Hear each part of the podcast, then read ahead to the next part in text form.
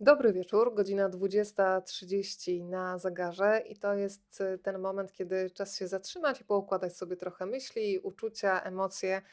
I bardzo bym chciała, żeby to był taki wieczór, od którego zacznie się być może dla części z Państwa znajomość z Elenią Poniatowską, chociaż zdaję sobie sprawę z tego, że po drugiej stronie będą zarówno ci, którzy doskonale ją znają, jak i ci, e, którzy dopiero, tak jak wspomniałam, rozpoczną tę znajomość. Napisałam bardzo szczerze na Facebooku, najpierw zawstydzeniem, ale potem zmieniłam to na zawstydzenie i radość że do minionego tygodnia nie znałam Eleny Poniatowskiej, ale teraz bardzo się cieszę. Cieszę się dlatego, ponieważ mam do nadrobienia całą masę reportaży i książek.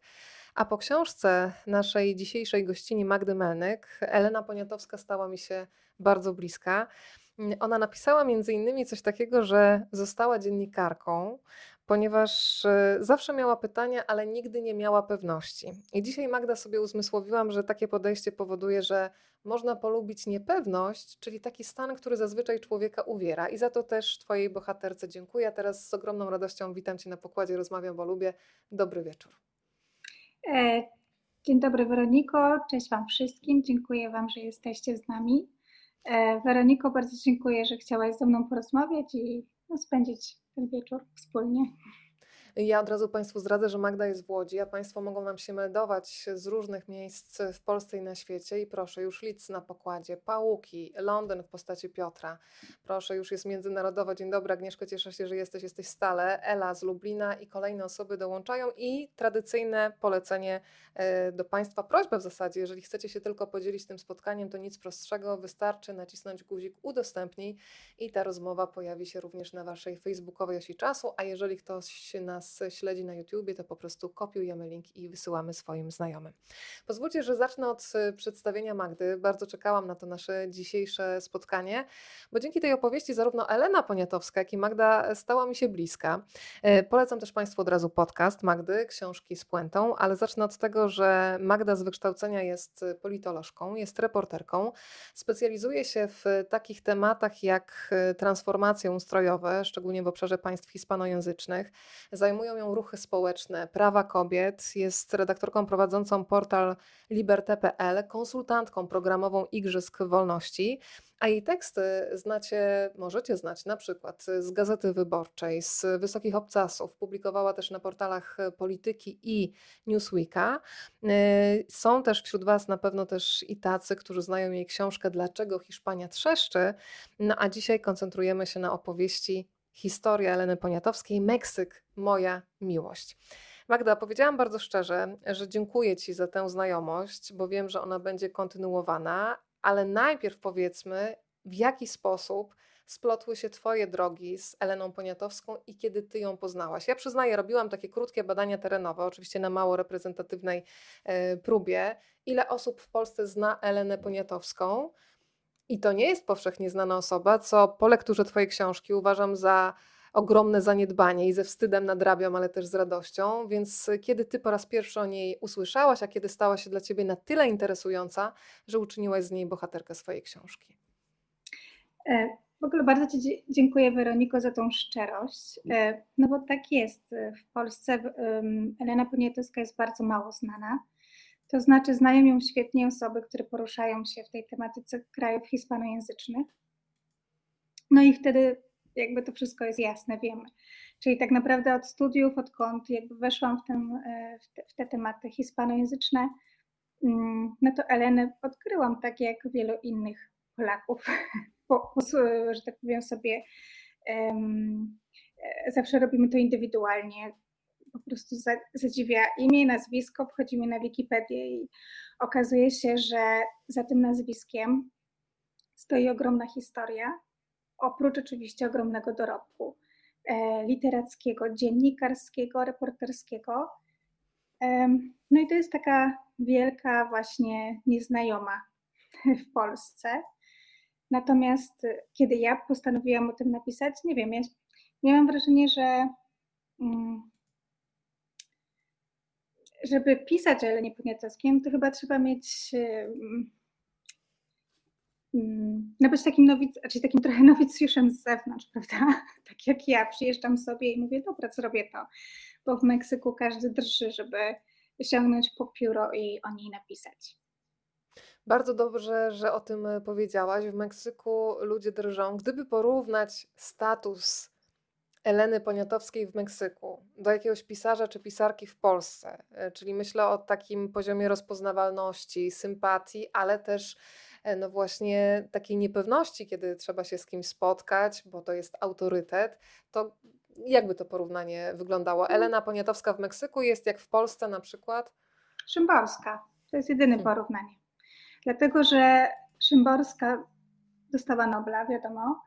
E, Elena dostała Cervantesa, to jest taki hispanojęzyczny Nobel. Mm, Była czwartą kobietą, która to wyróżnienie otrzymała i pierwszą Meksykanką.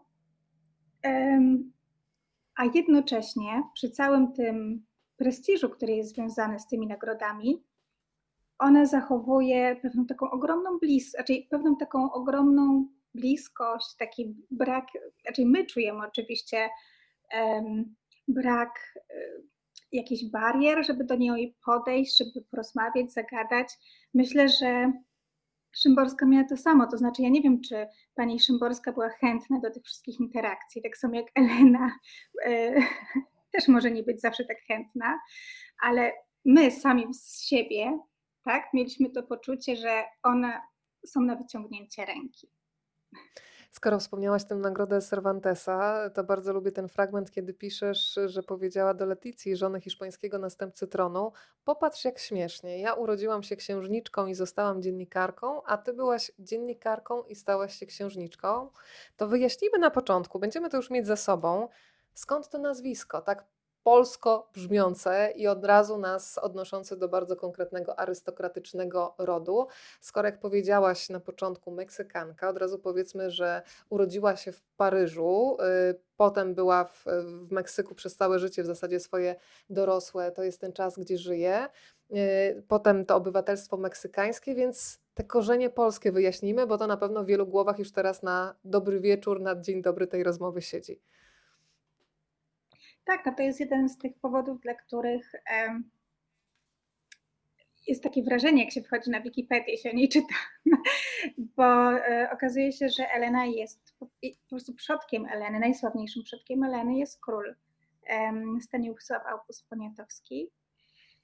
E, oczywiście Stanisław August nie miał mm, potomków, takich bym powiedziała, legalnych, natomiast jego brat Tak, i, i to właśnie z tej jakby odnogi jego brata em, wywodzi się jakby ta cała odnoga em, rodziny Poniatowskich, em, która najpierw zawędrowała do Włoch, aby później osiedlić się w Paryżu, a w 1942 roku, tak jak powiedziałaś, mama, jej mama wraz z, z Eleną i jej młodszą o rok siostrą wyruszyły do Meksyku uciekając przed wojną. To muszę Cię zapytać, Magda, o to, jak wygląda Twój pierwszy kontakt y, z Eleną Poniatowską. Trochę o tym piszesz y, w książce. Wiadomo, że zawsze przed takim wyjazdem i pierwszym spotkaniem, mając też w głowie rangę tego spotkania, tę postać, człowiek sobie coś wyobraża, no a potem konfrontuje swoje wyobrażenia z rzeczywistością. Jedziesz do swojej bohaterki. Dzisiaj pani Elena ma lat y, 90. Pierwsze spotkanie, jak wyglądało? Czy czegoś się obawiałaś, czegoś oczekiwałaś? Jak to wyobrażenie wyglądało, skonfrontowane z rzeczywistością? Wydaje mi się, że nikt nie bałby się spotkania z Szymborską. Bo tak jest po prostu. Wiadomo, że ma tego Nobla, ale została, została miłą panią, pozostała miłą panią. Tak. I ja się, wiadomo, że, że jakiś tam stres mi towarzyszył, szczególnie, że czekała mnie mm, praca związana z, z rozmowami z nią, ze zbieraniem materiałów i z tym, czy uda mi się y, zebrać to wszystko do kupy i napisać coś o tym.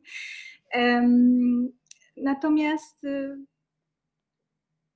nie, raczej to nie było tak stresujące, jak, jak sobie to można wyobrazić, na przykład, nie wiem, spotkanie z Miłoszem, tak? Albo spotkanie z, z Marquezem, albo z Vargasem Llosą. Myślę, że byłoby to dużo bardziej stresujące niż z nią. Zresztą otworzyła mi w dresach, w Adidasach. Y, Była wtedy sama, bo to była niedziela wieczór i wtedy zawsze jest sama. Praktycznie od progu poczęstowałam jakimiś ciastkami. To, to naprawdę nie była jakaś bardzo skrępowana atmosfera. A jak zareagowała na samo pytanie i propozycję napisania tej książki? Czy od razu była odpowiedź tak, czy były jakieś pertraktacje? Zanim zanurzymy się w środku, to trochę tej kuchni literackiej bym chciała poznać. To jest tak, że Elena zawsze wszystkim raczej zawsze zgadza się na wszystko. Jest masę dziennikarzy, którzy dzwonią do niej po prostu od progu, tak jakby na przykład furt, e, żeby na dzwonek, czyli taki dzwonek tej furtki i no, czy zrobiłaby ze mną pani wywiad? Oczywiście, wchodź, więc jakby jej, jej, jej dom jest otwarty dla, dla każdego, kto się tam przybłąka. Ja na szczęście miałam, że tak powiem, to spotkanie było zaplanowane i miałam się zgłosić o konkretnej godzinie i konkretnego dnia ale wiem, że bardzo dużo ludzi po prostu się tam kieruje nawet bez zapowiedzi. Drodzy Państwo, to ja od razu mówię, że Elena Poniatowska mm, przez całe życie y, pisze w zasadzie mm, w taki sposób i o takich sprawach, o których ludzie czasami milczą ze strachu. Jak napisała się jej reporterski nos stał się szczególnie wyczulony na tematy niewygodne, które rząd próbował zamieść pod dywan. Ona pod ten dywan bezustannie zaglądała i wymiatała na światło dzienne pochowane brudy. Mm, w latach 90. na przykład XX wieku zaangażowała się w historię zgwałconej trzynastolatki, której odmówiono prawa do aborcji, ale też była obecna i bardzo mocno się zaangażowała w to wszystko, co działo się w 1968 roku na Placu Trzech Kultur, kiedy doszło do masakry, i to ona zbierała głosy tych wszystkich, którzy byli świadkami tych e, wydarzeń. Bardzo mocno zaangażowana, i kiedy będziemy przedstawiać grono jej znajomych, e, przyjaciół i bliskich, to od razu Państwo znajdą rozpoznawalne postaci, zarówno męskie, jak i damskie. Ale zanim popatrzymy na nią jako na dziennikarkę, która debiutuje w latach 50., wcale nie jest jej łatwo. Po pierwsze, lata 50., ogromna cenzura o sprawach niewygodnych społecznie nie powinno się oficjalnie pisać. Po drugie jest kobietą, a kobiety są w gazetach przesuwane do jakichś mało istotnych rubryczek, to poznajmy jej dzieciństwo. Bardzo ciekawa jest dla mnie też postać e, mamy Eleny Poniatowskiej, bo na początku kojarzy mi się tak jakoś bardzo lekko, czyli Vogue, czyli na przykład e, sesje zdjęciowe, bo i tam e, występowała. No ale kiedy pojawia się czas wojenny, to okazuje się, że potrafiła się w, zaangażować i to bardzo mocno. Powiedzmy, czym się zajmowała mama Eleny Poniatowskiej. Um, najpierw dobrze było powiedzieć, że ona wywodziła się z arystokracji meksykańskiej. To jest w ogóle bardzo taki ciekawy też moment w historii Meksyku, kiedy zaczyna się rewolucja meksykańska i bardzo dużo takich najważniejszych rodzin decyduje się na wyjazd, tak naprawdę nawet ucieczkę, tak? bo to było w bardzo dramatycznych okolicznościach odbywało się to opuszczanie majątków mm, ziemskich. E, I większość z tych rodzin po prostu zamieszkało w Paryżu i w Biarritz. Też spędzali dużo, dużo czasu nad morzem. E, I w miarę się trzymali ze sobą, ale oczywiście także mieli znakomite relacje z arystokracją europejską. E, I mama Eleny, czyli mm, Paulette, właśnie była córką z takim rodowodem, można powiedzieć, prawda, właśnie z tej arystokracji pochodzącą, jednakże urodzoną już w Paryżu, czyli można powiedzieć, no tak kulturowo, no po prostu francuskie, tak? E, to samo możemy powiedzieć o tacie mm, Eleny, on także, no on się wywodził z arystokracji polskiej, ale gdybyśmy mieli stwierdzić, jako młody chłopak, e, który poznał Paulette, to byli po prostu dwoje młodych Francuzów, mieszkających w Paryżu i bardzo, bardzo lubiących to życie w stolicy Francji. I mówiąc i teraz wracając do Twojego pytania, czyli do samej Paulette, to jest dziewczyna, która miała zawsze dużą chęć robienia coś więcej niż siedzenia tylko w domu. Chciała studiować, ale to nie do końca było, no, to, to, to zostało w jakiś sposób w rodzinie odrzucony, został ten pomysł. Wraz z wejściem w związek małżeński z, z, z Johnem Poniatowskim, z Żanem Poniatowskim, e, mówi Johnny dlatego, że jego mama była Amerykanką i dlatego w domu bardzo często właśnie mówiono do siebie w taki zdrobniały sposób. E, Kaz czy Kasz zamiast Kazimierz, Johnny zamiast Jean, czy Jan i tak dalej.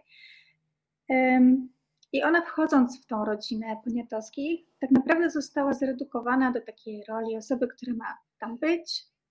No rano może świeży bukiet ułożyć w wazonie, może Takie obowiązki tam... reprezentacyjne, prawda? Tak, naprawdę to nie było ich wiele. Co więcej, ona także bardzo lubiła bale, na które jakby po ślubie nie mogła już tak często wychodzić jak wcześniej. I wojna w tym przypadku, jak i dla wielu kobiet, tak, y, w tym czasie okazała się bardzo zbawienna, ponieważ te zasady przedwojenne przestały na chwilkę obowiązywać i ona mogła zapisać się na kurs um, kierowcy ambulansu. E, I to może wydawać się takie, okej, okay, dobra, jeździła sobie może ambulansem po Paryżu, ale tak to nie wyglądało. Po pierwsze, był to bardzo trudny kurs, e, to były trzy kursy. Jeden z nich był kurs praktyczny, po zakończeniu którego musiała naprawić wszystko, co może się zepsuć w samochodzie, sama. E, I oprócz tego, jakby te podróże, tak, czy też zadania, które później stanęły przed nią, okazały się być bardzo wymagające, bo musiała ileś tam tysięcy kilometrów pokonywać, bardzo często w nocy, ze, ze zgaszonymi światłami, żeby nie, zdradzić, tak, żeby nie zdradzić się przed, przed wrogiem. Przewoziła nie tylko rannych, ale także ewakuowała ludzi z, z miejsc zagrożonych no już wejściem okupanta. Były sytuacje, w których, nie wiem, zepsuły jej się Boże, wycieraczki? Wycieraczki, więc po prostu rajstopami je próbowała gdzieś tam za, za, zaczepiać i nimi sterować. Więc miała bardzo, bardzo dużo różnych przygód i to było dla niej takie bardzo wyzwalające doświadczenie. Wiesz, co dla mnie jest mm. bardzo ciekawe właśnie to zestawienie, o którym piszesz. Na początku tam się pojawia Elsa Schiaparelli, która w, w Paryżu otwierała butiki, zapraszała na sesję mody, a potem faktycznie ten moment, kiedy jak opowiadasz, e, mama Eleny Poniatowskiej zgłosiła się do kobiecej zmotoryzowanej sekcji sanitarnej, to już bardzo poważnie brzmi.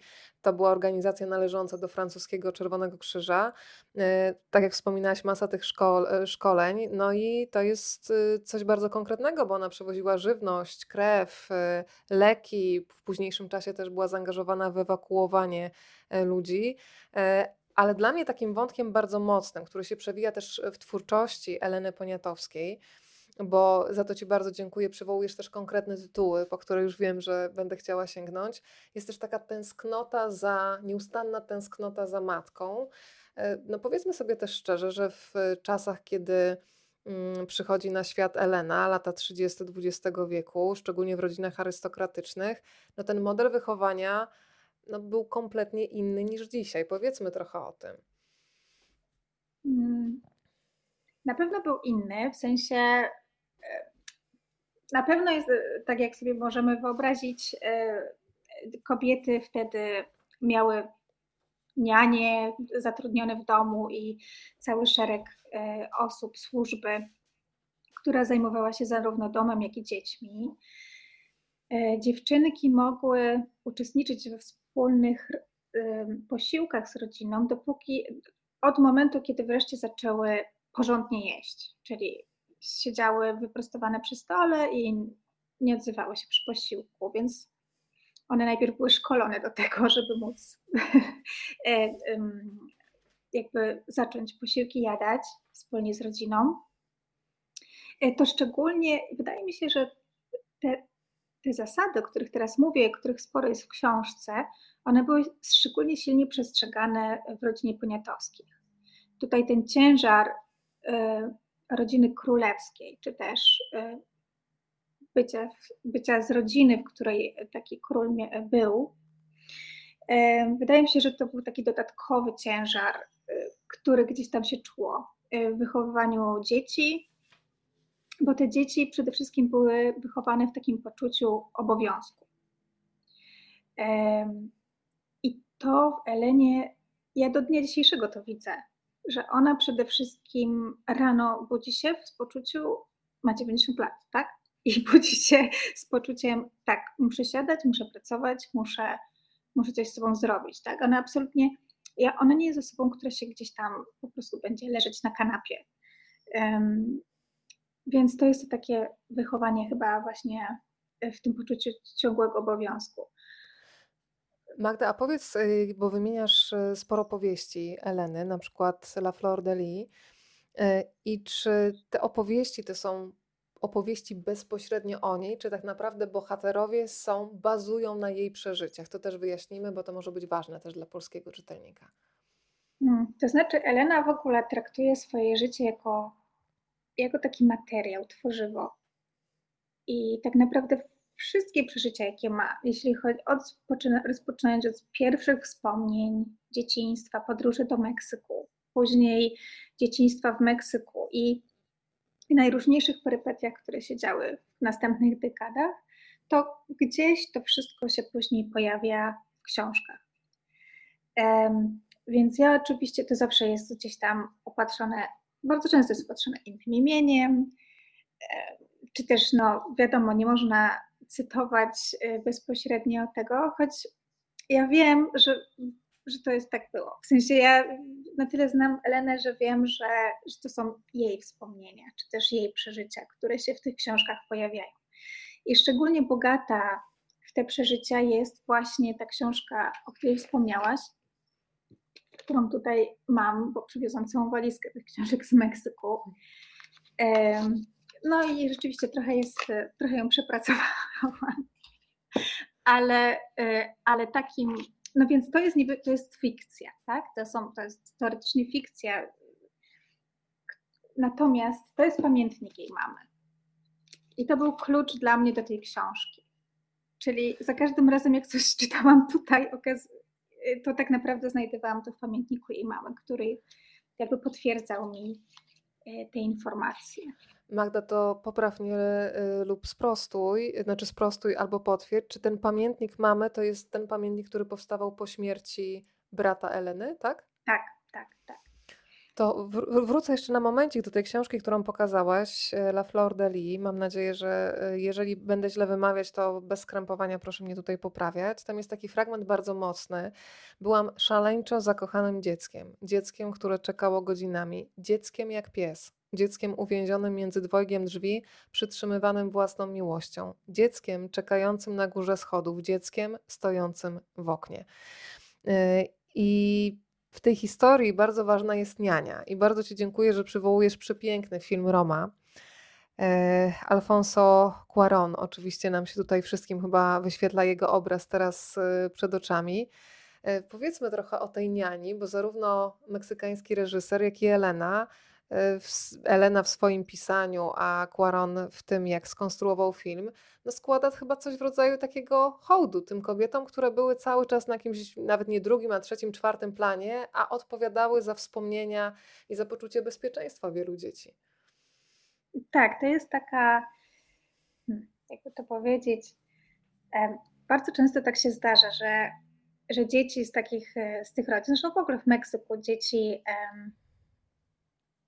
które nie są rasy indiańskiej, bo to są takie podziały, tak, y, o których też może sobie później porozmawiamy, y, mają nianie. I wraz z tym dojrzewaniem y, zdają, zaczynam zdawać sobie sprawę z tego, że te nianie, które tak bardzo kochają i które są z nimi na co dzień, które osuszają ich łzy, słuchają wszystkich historii, nie mają tych samych praw, co ich rodzina. I po prostu jakby posiadają zupełnie inną pozycję nie tylko w ich domu, ale także w kraju, w którym mieszkają. I myślę, że to jest taki wspólny mianownik dla Quarona i dla Poniatowskiej, że oni jako dzieci to zauważyli, tak? I że, że oni jakby spostrzegli te kontrasty i te niesprawiedliwości społeczne, można powiedzieć już od, od, od maleńkości, tak? Rzuciły im się one w oczy i od tamtego czasu nie przestali ich jakby stale już je widzą, tak? Nie są w stanie przestać widzieć ich, e, żyjąc w tym kraju. Mm. No i tak, tak mi się wydaje, że to jest, że to jest chyba klucz do, do tych relacji. Ja szczerze mówiąc, chciałam troszeczkę ten, tą Romę. A i zresztą, zresztą Quaron poprosił Poniatowską, żeby ten film zobaczyła jeszcze przed emisją, żeby po prostu Poniatowska jest znawcą bardzo wielu procesów polityczno-społecznych, które miały miejsce w tym czasie. On chciał, aby ona mogła spojrzeć na te zamieszki studenckie, które w tym filmie są ukazane, no i, no i powiedzieć, czy tak było, czy, czy to tak może być, czy, czy mniej więcej udało mu się odtworzyć atmosferę tamtych, tamtych czasów, które ona wtedy opisywała, będąc na ulicy um, i robiąc wywiady z uczestnikami tych zajść. Um, więc, więc tak, a, a z drugiej strony chciałam przytoczyć film Quarona, ponieważ wiem, że kiedy zaczynamy opisywać troszeczkę inne realia, bo wydaje mi się, że opisywanie na przykład paryskiego pałacu, no to każdy sobie może mniej więcej to wyobrazić, prawda? Natomiast kiedy zaczynam mówić o azoteach, czyli tych m, mm, takich dachach, tak, na których dzieje się e, życie, toczy się życie meksykańskich służących, czy, czy, czy jak wyglądają kuchnie, czy jak wygląda ten podział na tą przestrzeń służących indiańskich, czy też, czy też właśnie tych, tych rodzin uprzywilejowanych, to pomyślałam, że Roma tutaj bardzo y, po prostu będzie takim obrazem, do którego będą się mogli czytelnicy odnieść. Bardzo Ci dziękuję za tę wskazówkę, tym bardziej, że po lekturze wrócę raz y, jeszcze do tego filmu. Mm, te kadry przepiękne i cała opowieść, taka, która ma potem stałe miejsce w Państwa sercu, więc jeżeli ktoś jeszcze nie widział, to niech spotkanie z książką Magdy będzie takim pretekstem do tego, żeby po spotkaniu na przykład poszukać tego filmu i go zobaczyć. Mhm. Magda, dzisiaj będziemy się przemieszczać po takiej wirtualnej osi czasu i ja się na chwilę zatrzymam w sierpniu 1939 roku. Wtedy mama Eleny Poniatowskiej jedzie razem z dziewczynkami do posiadłości nad Loarą. Potem jeszcze jest kilka tych przeprowadzek i takim ostatnim miejscem we Francji e, z, przed wyjazdem z Europy jest Midi, czyli jesteśmy na południu Francji, mniej więcej u podnóży Pirenejów. No a potem zaczyna się podróż i też trzeba mieć świadomość, że podróż do Meksyku to nie jest tak, że sobie wsiadamy w samolot i lecimy, tylko one płyną statkiem i tak naprawdę, kiedy rozmawiałyśmy jeszcze przed dzisiejszym spotkaniem, to uświadomiłaś mi, że tak naprawdę Elena już od tego momentu no, dzieli los y, wielu uchodźców, bo ona tak naprawdę ucieka z Europy, bo po prostu zagrożone jest życie rodziny. Powiedz proszę więcej. Um, oczywiście historia Eleny jest tutaj historią rodziny uprzywilejowanej, która ucieka z Europy. Tak. Prawdą też jest, że miały dużo szczęścia, że ten bilet na, na transatlantyk Marquez de Comillas uzyskały w tak krótkim czasie ale bardzo dużo ludzi, którzy wtedy decydowało się, którzy wtedy płynęli tym transatlantykiem, po prostu ratowali własne życie. I to nie były pierwsze podróże, które się do Meksyku z Europy odbyły, e, ponieważ już przed 1939 rokiem bardzo dużo republikanów uciekających z Hiszpanii, w której właśnie się wojna kończyła, wojna domowa e, kończyła, obierało Meksyk jako taki kierunek ucieczki, tak, y, przetrwania, ponieważ w Hiszpanii y, czekała ich śmierć. Natomiast, a nawet bardzo, dla bardzo wielu osób zatrzymanie się we Francji też mogło się skończyć zesłaniem do obozów koncentracyjnych prowadzonych przez, przez nazistów. E, jest tutaj, to jest też historia bardzo wielu Żydów, którzy do tego Meksyku dotarli. I żeby, żeby takie nazwiska e, wymienić. E, znany nam Kapa, Węgier, był Żydem. E, jego kolega, z którym wyjechał z Budapesztu ze względu na no, taki antys, no, bardzo silną antysemicką atmosferę w mieście, to Chiki Weisz, czyli Americo Weisz, późniejszy partner Leonory Carrington, surrealistycznej malarki, która także do Meksyku także wyjechała do Meksyku uciekając przed wojną. Więc zarówno wojna w Hiszpanii, jak i późniejsza wojna, druga wojna światowa spowodowały taką bardzo dużą falę emigracji do Meksyku, która zasiliła, raczej bardzo, raczej spowodowała takie, bym powiedziała, wręcz taką eksplozję jeśli chodzi o to życie literackie, życie artystyczne. E, bardzo dużo ciekawych ludzi po prostu się znalazło e, wtedy w Meksyku i najprawdopodobniej to dzięki tym ludziom nastąpił ten latynoamerykański boom w literaturze, ponieważ um, właśnie z tego fermentu, takiego bym powiedziała intelektualnego, który, który nastąpił.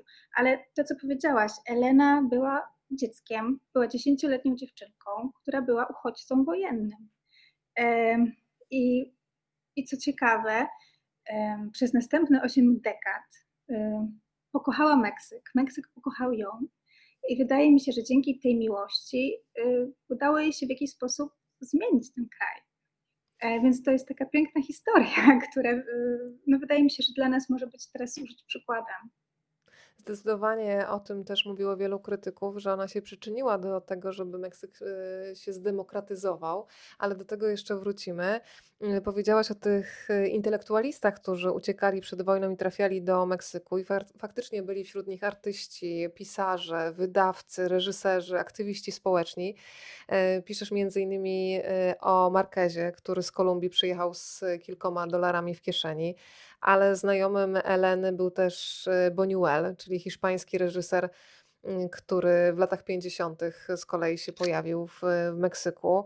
Tam się pojawiają kolejne nazwiska bardzo konkretne, ale zanim jeszcze wylądujemy w Meksyku, to zostańmy chwilę przy ojcu Eleny. Bo jest taki bardzo poruszający moment, kiedy jednak oni są przez jakiś czas w rozdzieleniu, i dla mnie takim punktem, który cały czas siedzi mi w głowie, jest ten moment, który zatytułowałaś Powrót taty. I znowu to jest coś, co jest historią Eleny, ale pewnie doświadczeniem bardzo wielu ludzi, którzy mają w swojej historii doświadczenie wojny, że w zasadzie ta wojna już na zawsze zostaje w człowieku. Powiedz proszę, jak ten powrót wyglądał i jak wyglądały losy ojca, zanim dołączył do, do swojej rodziny w Meksyku. Obiecuję, że to odpowiem na to pytanie, ale chciałabym jeszcze w dwóch słowach powiedzieć, jak wyglądało ich życie przed przybyciem tego taty. Tak. To, co już powiedziałam o tej fali mm, intelektualistów, którzy dotarli do Meksyku, wśród nich było bardzo dużo kobiet, które w Meksyku odnalazły dużo większą wolność, na, na którą nigdy nie mogłyby sobie pozwolić w Europie. I mówię tutaj także takiej, twórczo, e, takiej wolności też i jeśli chodzi o własne życie i o twórczość. I mama Eleny była no, nie, nie była, nic, znaczy nie tworzyła, ale rzeczywiście miała dużo większą wolność, e, ponieważ jej mąż był na wojnie. E, dzięki czemu e, dużo więcej bywała. Brała dziewczynki i po prostu jechały samochodem do Acapulco, co było podróżą po prostu wielogodzinną. Nikt się na takie rzeczy nie decydował wtedy, bo po prostu kobiety same nie podróżowały po Meksyku. Meksyk nigdy nie był bezpieczny.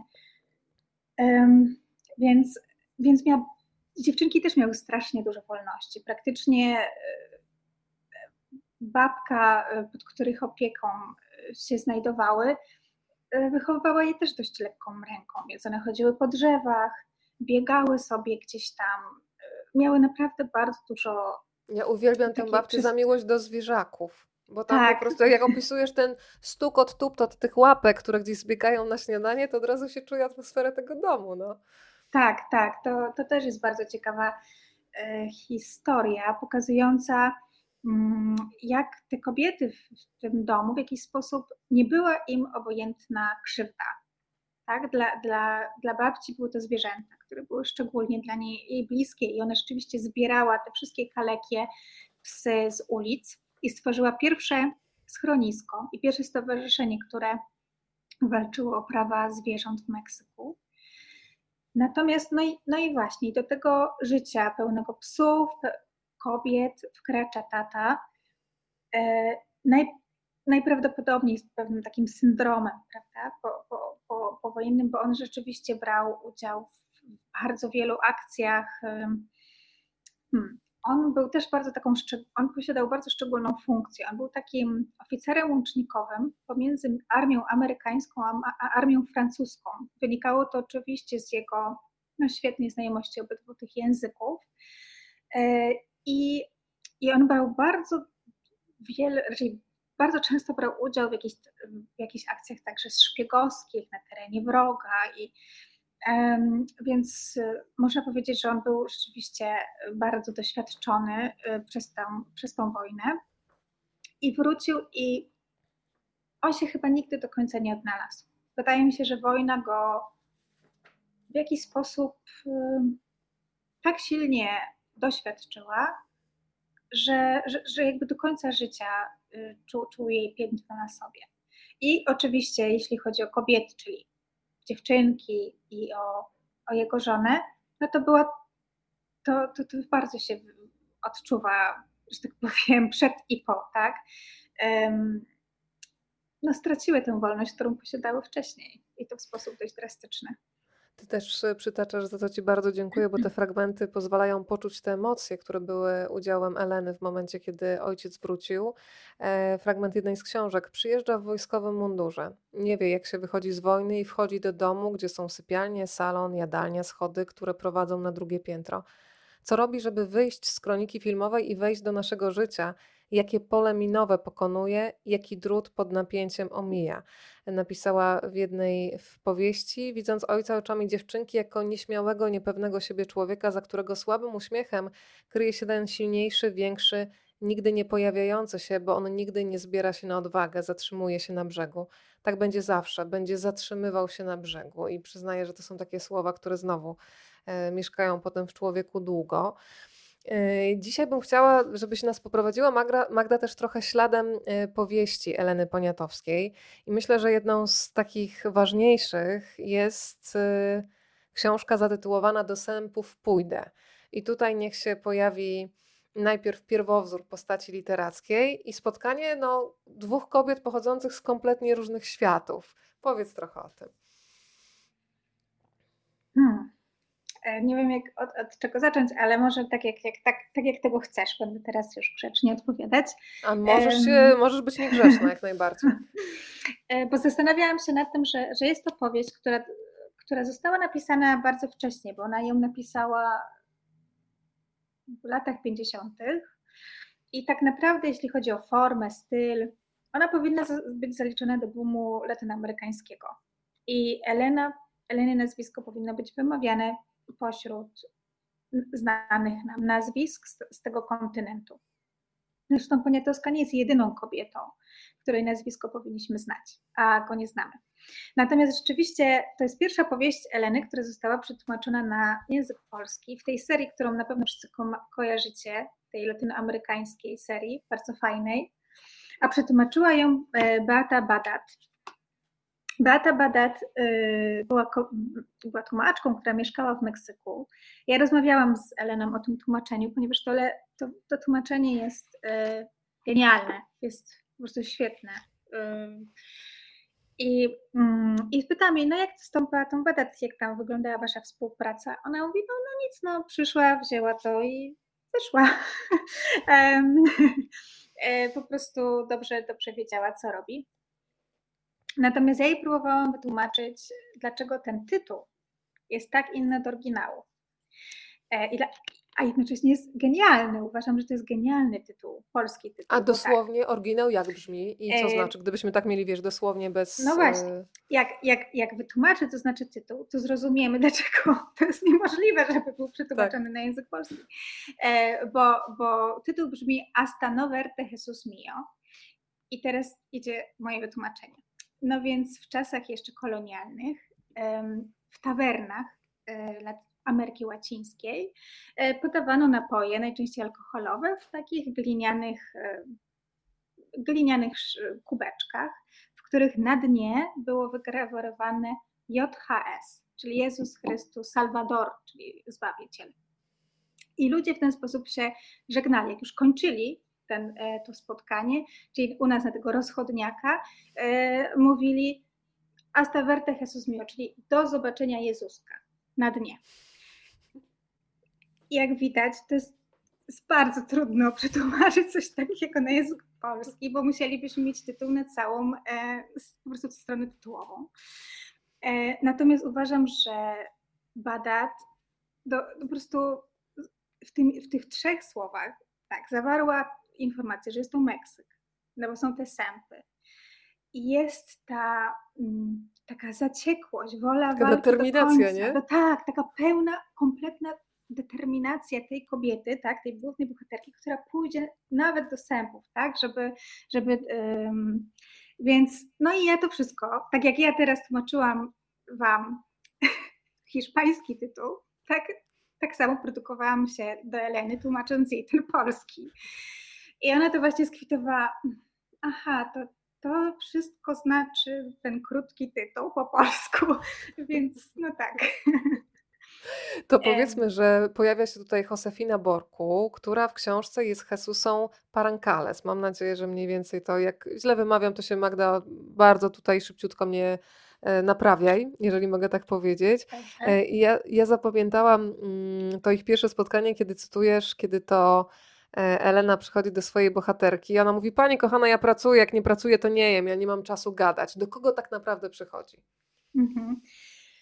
Tutaj w ogóle musimy powiedzieć sobie, dlaczego w ogóle Elena jest, raczej w ogóle ją znajduje gdzieś na ulicy, ponieważ Elena praktycznie każdą niedzielę spędza wtedy w więzieniu, mm, w tak zwanym czarnym pałacu Lecumberri. A kiedy ludzie się pytają, dlaczego tam jeździ, to mówi, no bo tam ludzie mają czas odpowiadać na pytania, nikt się nie śpieszy. Ale prawdą jest też, że w tamtym czasie po prostu w więzieniu było zamkniętych bardzo dużo intelektualistów, e, malarzy, pisarzy, poetów. I bardzo, no i rzeczywiście to, to był dobry, dobry pretekst, żeby z nim usiąść i porozmawiać. I Elena podczas właśnie tych wizyt e, na obrzeżach miasta, ponieważ em, w tamtym czasie ten pałac, Czarny Pałac znajdował się na obrzeżach miasta, e, gdzie tak naprawdę te chatki już chyliły się ku ziemi, gdzie ludzie podkradali prąd takimi diablikami, e, gdzie nosiono po prostu wodę z hydrantów, gdzie żyło się po prostu w bardzo dużej biedzie. No więc w takich warunkach Elena usłyszała ją piorącą gdzieś na dworzu. I sposób, w jaki ta kobieta wysławiała się, mówiła, no bardzo ją zaintrygował i bardzo chciała poznać ją bardziej. I ta y, ich znajomość z, z kobietą, która jako młoda dziewczynka brała udział w rewolucji meksykańskiej, i później, jak większość uczestników tych, tych zajść, tak, którzy walczyli o lepszą przyszłość, o sprawiedliwość, skończyli właśnie w takich slumsach, bo to byli ludzie, którzy w tym czasie opuszczali wioski, e, no i szli do miast i, i w ten sposób tworzyły się właśnie te takie em, dzielnice biedy, okalające miasta meksykańskie. Mm, I to była właśnie taka kobieta, bym powiedziała, oszukana, czuła się oszukana przez kraj, czuła się oszukana przez, przez Meksyk, e, przez tą rewolucję, przez te ideały, które, o, które, o które walczyła, a koniec końców nie, nie były jej dane, tak? E, Nie, nie było jej dane jakby cieszyć się, cieszyć się zwycięstwem tej rewolucji. Ona uważała, że, i to była prawda, że Meksyk generalnie w ogóle marginalizował temat biedy, temat dyskryminacji rasowej. E, To były tematy, które w ogóle nie pojawiały się w prasie. E, Praktycznie jeszcze przez wiele dekad tak było, że, że Meksyk po prostu miał wizję rozwoju ekonomicznego, a jednocześnie jakby tuszowania pewnych niedoskonałości, które przecież były widoczne gołym okiem. Ty I pisałaś nawet taką rzecz, która zostaje w głowie, że nawet jeżeli gdzieś w powieści czy w reportażu się pojawiał jakiś wychudzony pies, to on miał zniknąć, bo jak w bogatym Meksyku może przemykać gdzieś ulicą wychudzony pies? To jest ten rodzaj fiksacji tak, władzy na temat tego, co można pokazywać, a co nie. Tak, to Carlos Fuentes właśnie siedział jako młody chłopak i sobie dorabiał na tej cenzurowaniu filmów amerykańskich. No i właśnie ten, ten wychudzony pies, oczernia, oczernia Meksyk, proszę, proszę kręcić raz jeszcze, więc, um, więc y, Jesusa y, była dla Eleny właśnie takim kluczem do zrozumienia tego świata, kluczem do zrozumienia tego, co się stało i, jak tak naprawdę ten, ten Meksyk wygląda poza drzwiami jej domu. I te kobiety, pomimo ogromnych różnic, tak, y, które je dzieliły, bardzo się zaprzyjaźniły. I one przyjaźniły się do końca, do śmierci Jesusy w latach 80.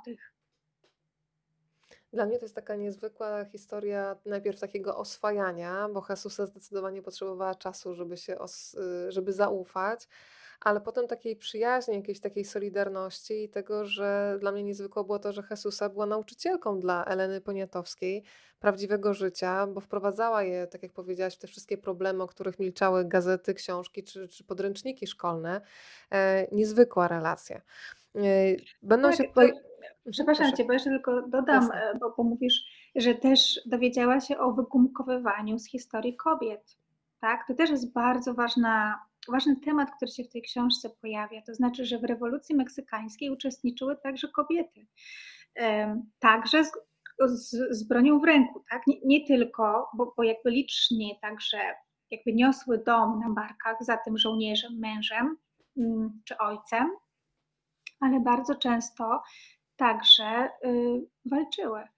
Mm, często w przebraniu mężczyzny, ale jakby te mm, te in informacje, czyli czy te fakty później zostały kompletnie zamazane, wymazane, y, i udział kobiet w rewolucji meksykańskiej został zredukowany tylko do do bycia prostytutkami po prostu. Więc myślę, że taki temat, y, herstoryczny, który, no, bardzo rozumiemy we we wszystkich punktach globu. Tych opowieści i tematów dzisiaj przed nami wiele. Drodzy państwo, jeżeli są pytania w trakcie, to można się włączyć, e, w każdym momencie do tego spotkania. E, widzę, że jesteśmy w przeróżnych miejscach, e, w Polsce i na świecie. Cieszę się emocjonalnie, na pewno będziemy blisko.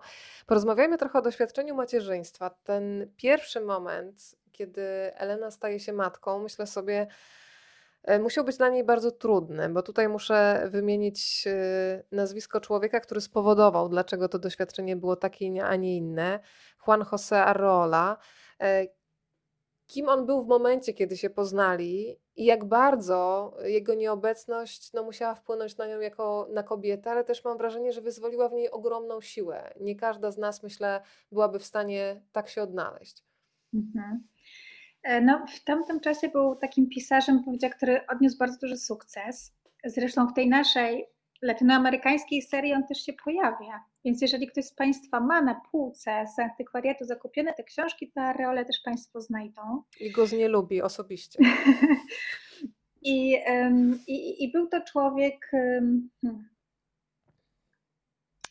który też był słaby. W sensie słaby fizycznie i i i psychicznie. I Elena jako taka bardzo młoda dziewczyna, e, uczennica, chodziła do niego z ze swoją pierwszą powieścią. I on tą powieść edytował, korygował, no, w jakiś sposób ją przygotowywał do do publikacji. I między nimi zawiązała się taka relacja, w której ona go w sumie wspierała, tak, ona go tak podtrzymywała, to ona przy przy nie wiem, przyprowadzała go przez ulicę, wsadzała w samochodzie, podwoziła na jakieś spotkanie z czytelnikami, czyli weszła w taką rolę opiekunki, e, dużo starszego mężczyzny, bo między nimi myślę, że no, on miał chyba z 35 lat, już nie pamiętam, ale ale strasznie był taki właśnie, zachowywał się jakby był bardzo stary. Więc myślę, że około 15 lat na pewno było tam różnicy wieku. No zresztą on był, e, on miał rodzinę, w Jalisco, którą otrzymywał i, ym, no właśnie nie wiem, czy tutaj zdradzać, czy nie zdradzać tej sytuacji, ale, e, on ją w pewnym momencie po prostu zgwałcił. I wydaje mi się, że dramat całej tej sytuacji polega na tym, że ona w tej w tym ona w tym wszystkim była sama, tak. Powiedziała chyba tylko mamie i cioci, mm, które zadecydowały, że wyjedzie do Europy. Po prawdziwego powodu jej wyjazdu do Europy jej rodzina nie znała, tak, oprócz tych 2 osób, tych 2 kobiet z rodziny. Więc a a była jednocześnie bardzo młodą dziewczyną, bo ona miała chyba 23 lata, o ile się nie mylę. E, jakoś tak teraz nie odświeżyłam do końca tych wszystkich danych, ale myślę, że 23. I wyjechała do tego Paryża najpierw do dziadka, dopóki jeszcze ciąża nie była widoczna, robiła wywiady. Zresztą ona cały czas pracowała praktycznie do końca tej ciąży tam będąc. A później mam wrażenie, że kiedy ta ciąża zaczęła być widoczna, wyjechała na południe do Grecji i w końcu do Rzymu, w którym mama załatwiła jej miejsce w zakonie, w którym miał się odbyć poród. I tak sobie myślę, że to jest tak niewyobrażalne bycie samemu ciąży. I jeszcze pisanie tych wszystkich listów do miotającego się Areoli, bo Areola był niewiarygodnym, czyli no takim wręcz komikiem. To, to wręcz były komiczne listy, w których, się, w których się kajał i mówił, że on przeskoczy ocean i że on będzie, a ona wiedziała, że on nawet ulicy sam nie jest w stanie przejść y, bez podpierania się na jej ramieniu. Więc ta siła, żeby jego wspierać tych, listach i jednocześnie no, dać sobie radę też z takim odium bo po prostu wszyscy wokół niej patrzyli na nią i traktowali ją jak wielką grzesznicę. E, te zakonnice w tym zakonie. To, to, jest, to jest też przerażające właśnie, jak e, nie ma potępienia w stronę mężczyzny za to, co się stało, a zostaje wstyd kobiety. I, i, i znowu zmieniają się lata, ale myślę, że jest jeszcze bardzo wiele e, sytuacji, w których cały czas ta sytuacja tak wygląda, jakby to kobieta była stygmatyzowana. E, dla mnie, wiesz, mm, niezwykłe jest to, kiedy ona, bo tam nie chcę Państwu wszystkiego zdradzać, ale w tym wszystkim, w tej całej tragedii, bo tak bym to nazwała, kiedy ona staje się matką i, i, trzyma już na rękach swojego syna, mówi, że czuje ogromną siłę, jakiej nigdy nie miała, takiej siły tysiąca koni, tysiąca smoków. E, ja sama ją podsycam. Mogłabym wyjść w koszuli na plac Świętego Piotra z moim synem w ramionach i ogłosić jego narodziny całemu światu. E, I to też jest taka reakcja, której być może byśmy nie podejrzewali e, u kobiety po, po tak trudnych doświadczeniach, ale tak jak mówię, wszystkiego ale, Państwu nie mogę tutaj zdradzić. Ale mnie się mhm. wydaje, bo to też w ogóle to były fragmenty, które tak. bardzo trudno mi było pisać, ponieważ mhm. ja jestem sama matką. Też mieliśmy bardzo duże problemy w Meksyku, bo ja pojechałam sama zaczęłam się tam coraz gorzej czuć y, i Elena to widziała, wreszcie, wreszcie po prostu postanowiłyśmy, że mój, mój syn musi przyjechać z, z tatą, e, więc y, to są bardzo silne emocje, takie związania, po prostu nawet takie na poziomie biologicznym po prostu, które gdzieś tam y, kobiety z tym dzieckiem wiążą. I ja pisząc w ogóle ten tekst o Elenie w, tamtej, w tej sytuacji, o której teraz rozmawiamy, ja to bardzo czułam, zresztą ja z nią o tym rozmawiałam. No musiałam to tak jakoś zawrzeć najbardziej delikatnie, jak mogłam. Mm, I mnie się wydaje, że ona miała tę siłę, bo ona rozumiała, że jest tylko z nim, że tylko on jest z nią, tylko że cały świat odwrócił się od niej i ona jest sama w tym Rzymie, gdzieś daleko w ogóle od wszystkich. I dlatego to jakby czuję, że to jest ta siła bycia z, to, z tym z małym fragmentem Twojego ciała, tak naprawdę, bo, bo, bo to po porodzie tak trochę jest, więc no, to jest rzeczywiście bardzo taki emocjonalny fragment, e, no ale też bardzo ważny. Zresztą, zresztą to była taka tajemnica, e, raczej tak, w, w kręgach wszyscy wiedzieli, ale, ale ludzie, jakby Meksyk, jako jakby nie wiedział. I, i, i skandal wybuchł dopiero zaraz, jak ja wróciłam do, do kraju, do Polski. To dosłownie miesiąc później pojawiła się pierwsza część Elamante Polako, czyli powieści o Stanisławie Augustie, która była przeplatana jej jakimiś losami z lat 50. I tam się właśnie pojawia ta historia gwałtu, która wywołała ogromną debatę w Meksyku, bo to był też czas właśnie tego ruchu mitu, który w tym czasie się rozpoczynał, jakby tak nabierał tempa. Więc y, myślę, że tak, no po prostu no, nie wiem, czy to w jakiś sposób czegoś tutaj nie, y, jakiejś kolejnej tajemnicy żeśmy troszeczkę nie odkryły, ale jestem pewna, że jeszcze Państwo będą mogli sobie to doczytać w książce.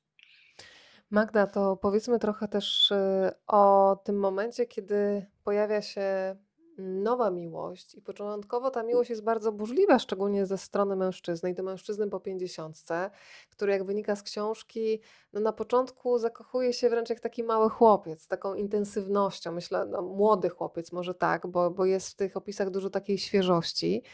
E, I znowu taka miłość, e, która zaczyna się w nietypowy sposób, bo wydawałoby się, że e, są z różnych światów, niech się pojawi w tej historii astronom. Zatrzymamy się, nie, nie powiemy, jak się ta miłość rozwija, co się dzieje dalej, ale ten pierwszy moment, ten strzał pioruna, jak to wyglądało?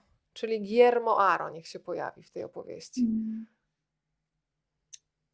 E, hmm. Właśnie ja się tak zastanawiam, czy tam był ten strzał Amora.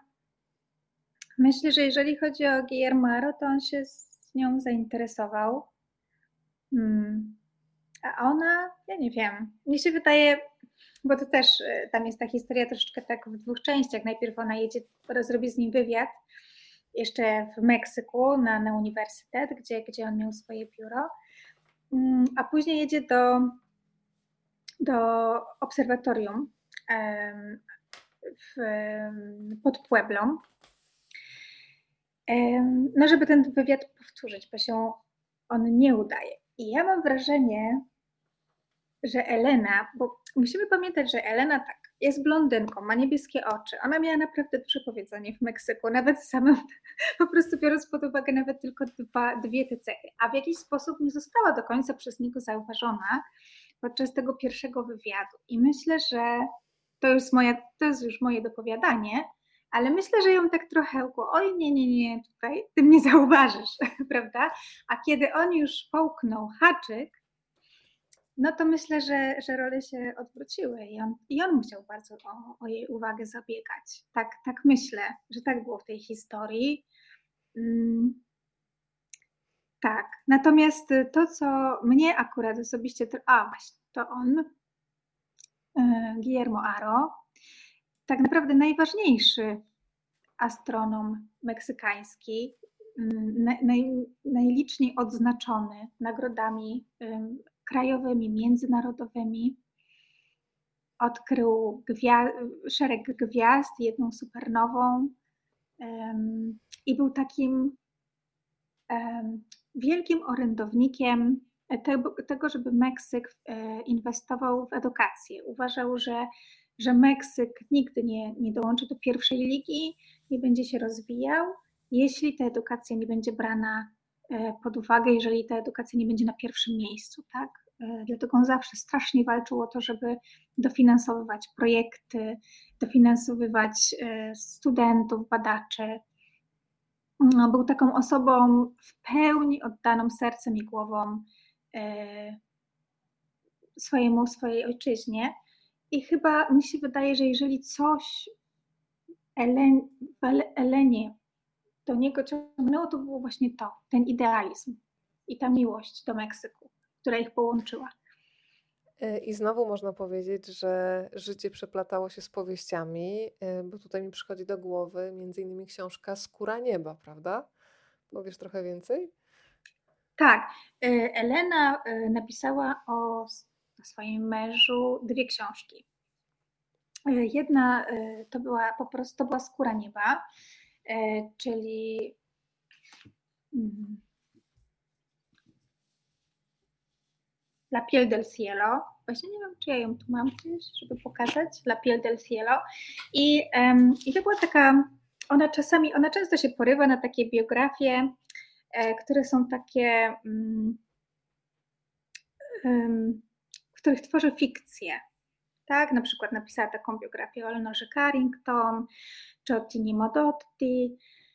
I tutaj także potraktowała jakby życie swojego męża jako taki punkt wyjścia do powiedzenia ciekawej historii. E, problem w tym, że wszyscy do, e, odebrali to strasznie dosłownie i wybuchł jakiś wielki skandal, że on miał wiele kochanek i w ogóle. I, i on, ona jakoś się strasznie źle z tym e, poczuła stwierdziła, że w ogóle, że, tak, że w ogóle nie miało tak być i w ogóle niedobrze. I dlatego powstała kolejna książka, El Universo o Nada, czyli Wszechświat albo nic. I tutaj po raz pierwszy w swojej twórczości stwierdziła, że ona w ogóle zastosuje nawet przypisy, że, że to będzie wręcz takie naukowe, że będzie miał taki rys naukowy.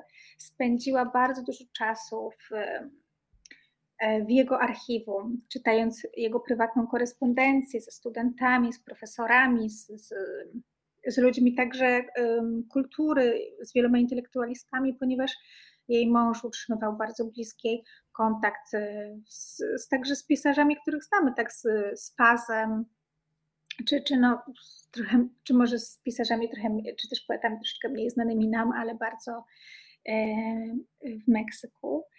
E, I powstało to drugie działo, tak? Czyli koniec końców ona się jakby na ten temat e, postanowiła ten, tego tematu się podjąć dwa razy. Nie wiem, czy widzisz komentarz od Piotra z Londynu. Najpiękniejszą gwiazdą, jaką odkrył, była sama Elena. E, tak. Nie zdradzimy Państwu, jak dalej się te losy potoczyły, ale tutaj widzę, Magda ma coś ciekawego jeszcze. I zapomniałam dodać, że jeszcze napisała bajkę, tak naprawdę, która y, opowiada o dzieciństwie Guillerma. Ponieważ w dzieciństwie Guillermo y, miał bardzo, bardzo kochaną mamę, raczej mamę, która bardzo go kochała, a był chłopcem, który miał zawsze masę pytań. I zawsze się jej pytał, a na przykład tutaj, nie wiem, ten gwiazdy, czy ten horyzont, czy coś w ogóle jest za horyzontem. I żeby odpowiedzieć mu na to pytanie, po prostu kupiła dwa bilety e, drugiej klasy i wybrała się z nim na krótką podróż, która miała mu pokazać, że ten horyzont będzie jakby się przemieszczał razem z nimi, że on, że jakby on się rusza. Więc na początku chłopiec się bardzo zdziwił, że że oni stoją, a wszystko się rusza oprócz nich, prawda? Tak jak, jak to bywa, jak się rusza e, pociąg. No ale później rzeczywiście zrozumiał, że mama miała rację, więc to jest taka bardzo ładna mm, historia właśnie o nim, e, także napisana z myślą o dzieciach, o tym, żeby decydowały się także na wybieranie nauk ścisłych po prostu, żeby miały masę tych pytań i kontynuowały naukę i no bo jakby ona w tym widzi tą przyszłość, tak, że te dzieci to jest ta przyszłość Meksyku i a na edukację to był ten konik jej męża. Tak, i w wielu momentach swoich książek też pisała o tym, że absurdalne jest to, że dziewczynki e, powinny być kształcone w takim, a nie innym kierunku, a w chłopcy w innym, e, że ona pokazywała, że każdy z nas ma te same talenty, żeby nikogo nie ograniczać. To było też piękne. Pozwolę jeszcze Państwu na podróż taką sentymentalną, jeżeli chodzi o fotografię. Mamy, więc e, Mhm. korzystamy. To To są właśnie, lata 70., prawda? tak, to jest w domu jego, bo on generalnie kiedy poznał Elenę, on już praktycznie był w takim, ko- kończył swój związek z, też z astronomką. Więc ona jakby opuściła ten dom, kiedy Elena wprowadziła się do niego.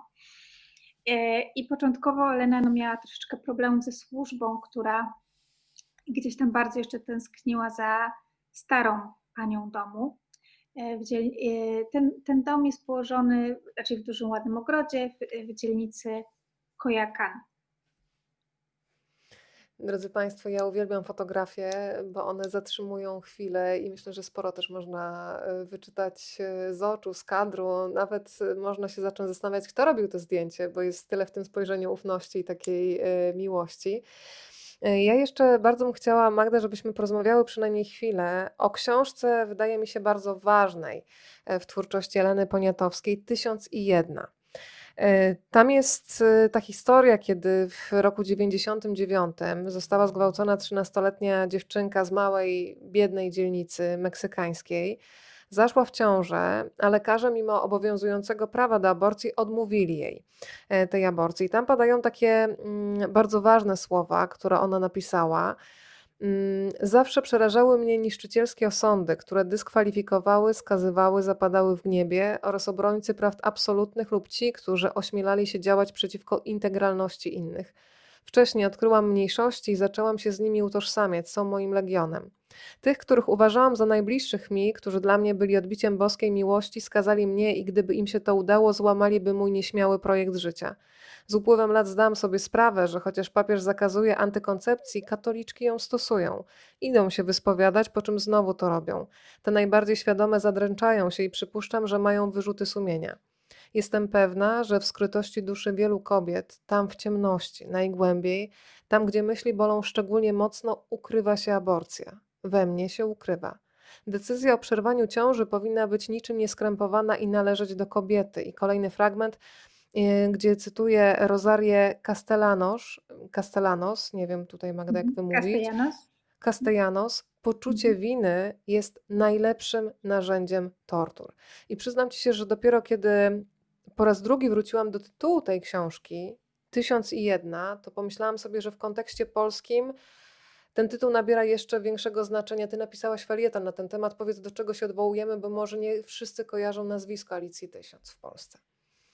To znaczy, ja, y, to, to w ogóle jest w ogóle ciekawa historia, bo Alicja Tysiąc, y, która walczyła o, mm, znaczy, która generalnie y, przeszła bardzo podobną historię, co do, podobną do Pauliny z Meksykali, którą opisała w swoim reportażu Poniatowska, to są mniej więcej w ogóle ten sam czas.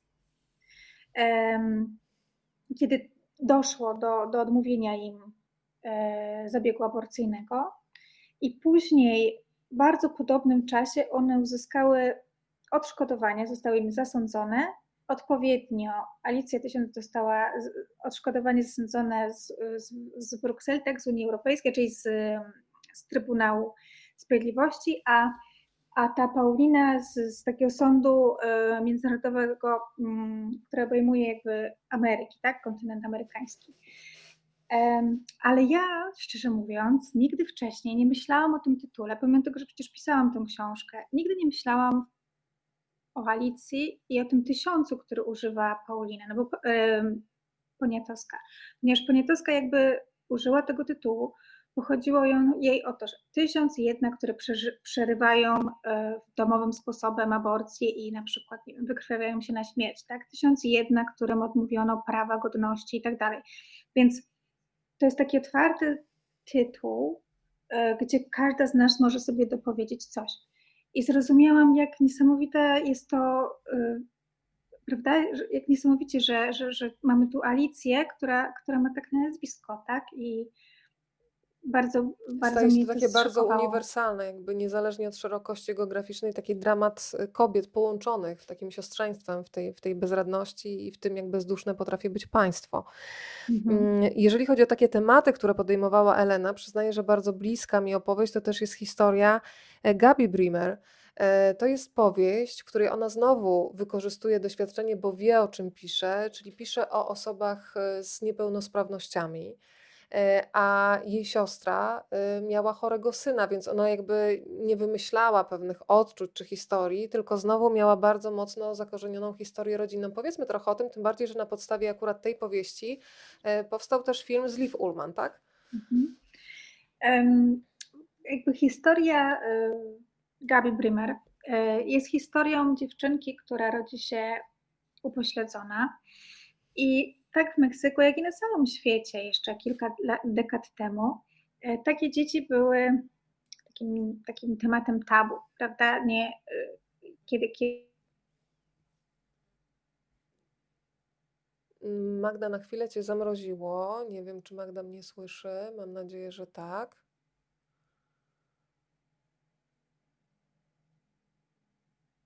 Chyba się, znaczy, y, Państwa poproszę o odzew, czy Państwo Magdę słyszą, czy nie. Jeżeli nie, to za chwilę się będziemy O, łączyć. jestem. O, jesteś, okej, wróciłam, dobra, wróciłam. cieszę się. się stało. To, to, popro, to poproszę Cię jeszcze raz o rozpoczęcie zdania. Mhm. Tak jest. E, więc, więc Gabi Brimer była jedną z takich e, dzieci, które urodziły się z dużą niepełnosprawnością, jednakże jej mama postanowiła, że nie będzie jej ukrywać i nie będzie traktowała jej jako tematu tabu. E, jeżeli goście decydowali się przyjść do niej do domu, to ona sadzała ją w dużym pokoju i, i traktowała jako równoprawno, równoprawnego członka rodziny. Ale nie jest to tylko historia jej mamy, ale także historia jej niani, India, także Indianki, e, która, która także była bardzo jakby oddana sprawie tej dziewczynki. I kiedy zorientowała się, że ta dziewczynka jest w stanie ruszać jednym palcem stopy, e, to stworzyli, jakby wspólnie stworzono cały system komunikacji, w którym ta dziewczynka po prostu pokazywała litery alfabetu i w ten sposób komunikowała się z, z całą rodziną. I dzięki temu zaczęła się uczyć, poszła na studia, została, e, pisała poezję, więc no, z, z, zaczęła tworzyć. I ta historia oczywiście jest bardzo bliska Elenie, ponieważ ona sama miała taką, tak jak powiedziałaś, tak bardzo podobną historię w domu. E, jeden z synów Kici, czyli młodszej siostry Eleny, uległ poważnemu wypadkowi i generalnie w szpitalu chciano, żeby on w sposób naturalny odszedł. Tylko to ona nie zgodziła się na, na odłączenie go od aparatury i no i później przez, przez bardzo, bardzo wiele lat pielęgnowała go i no i bardzo podobnie jak Gabi, także komunikowała się z nim za pomocą właśnie tych liter alfabetu i, i jakby cała historia jest bardzo, bardzo podobna. Powiem Ci, Magda, że czytając tę książkę, pomyślałam sobie, że tak jak dzisiaj, kiedy czytamy, że osoby z niepełnosprawnościami były wręcz chowane, bo e, mogły komuś zepsuć humor, no bo wszyscy się świetnie bawią, a nagle jest nieszczęście obok. I to dzisiaj brzmi dla nas absurdalnie, ale złapałam się na czymś innym, że wydaje nam się, że dzisiaj jesteśmy otwarci. Na to, że wszyscy uczestniczymy w przestrzeni, ale myślę, że w dużej mierze jesteśmy otwarci deklaratywnie, bo kiedy porozmawia się czasem w urzędach z osobami, które są na przykład zmuszone do tego, żeby poruszać się na wózkach, e, sama kiedyś przeprowadziłam e, dyskusję z panem, który w urzędzie, który powinien być dostępny dla wszystkich, pan mówi, wnosimy e, tutaj, jest jakiś tam pan Kaziu, który wnosi na górę. I zadałam panu pytanie, czy chciałby być wnoszony jak paczka, że otwartość dla wszystkich powoduje, że jest po prostu winda, z której osoba z niepełnosprawnością może sama skorzystać.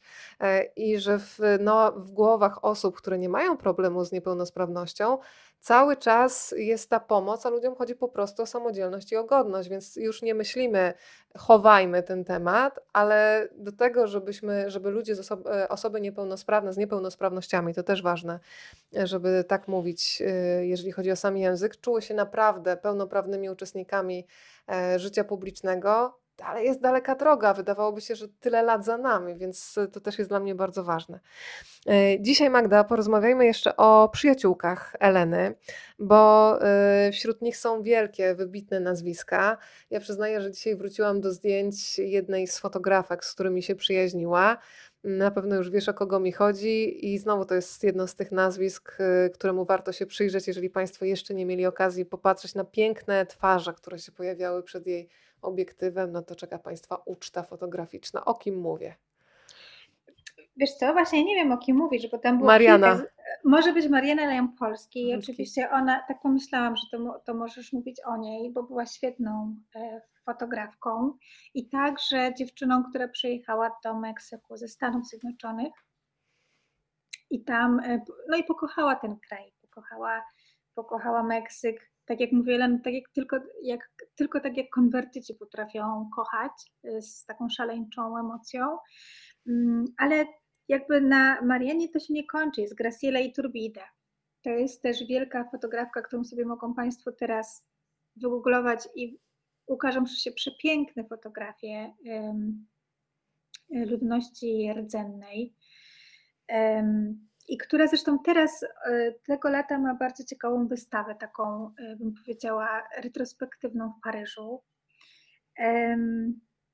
Z takich wielkich e, fotografek hmm, musiałabym jeszcze się cofnąć do Kati Horna.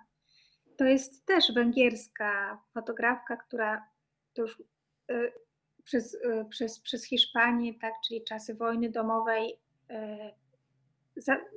jakby popłynęła później do, do Meksyku i tam tworzyła. Jest Tina Modotti, wspaniała fotografka, o której Elena napisała y, takie chyba największe, a już na pewno najbardziej chyba opasłe dzieło swoje.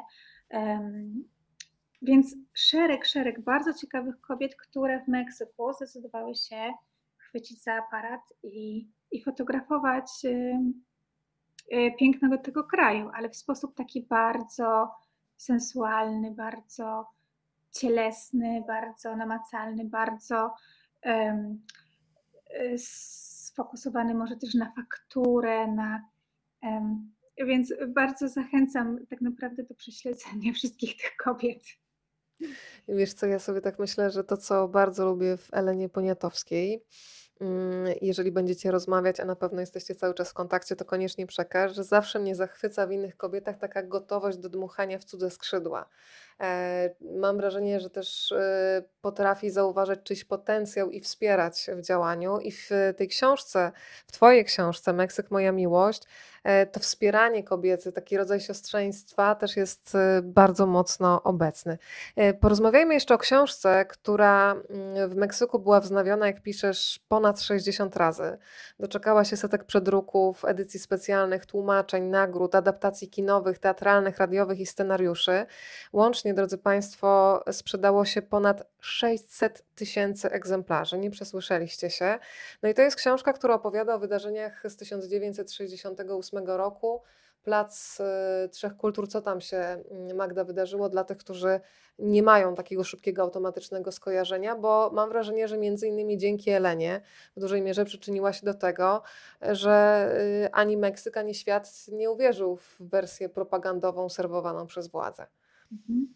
W 1968 w Meksyku wydarzyło się mniej więcej to, co wydarzyło się w bardzo wielu miejscach na świecie w tym czasie, tak?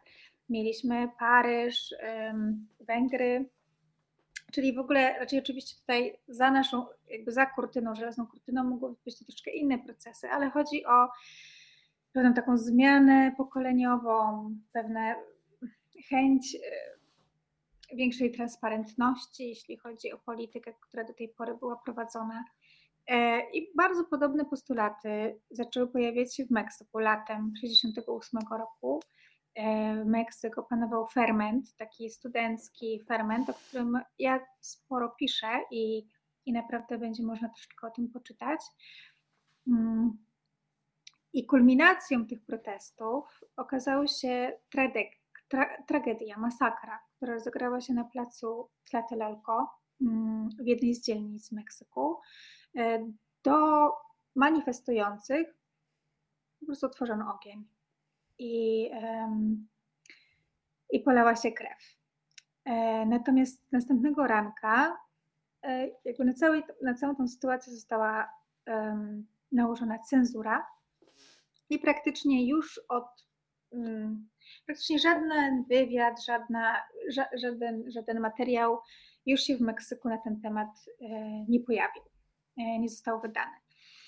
E, ponieważ Eleny nie było wtedy na placu, ona, ona dopiero co urodziła drugie dziecko i, e, i musiała się nim opiekować, pojechała z samego rana na plac, który jeszcze nadal nosił, nosił ślady tej masakry.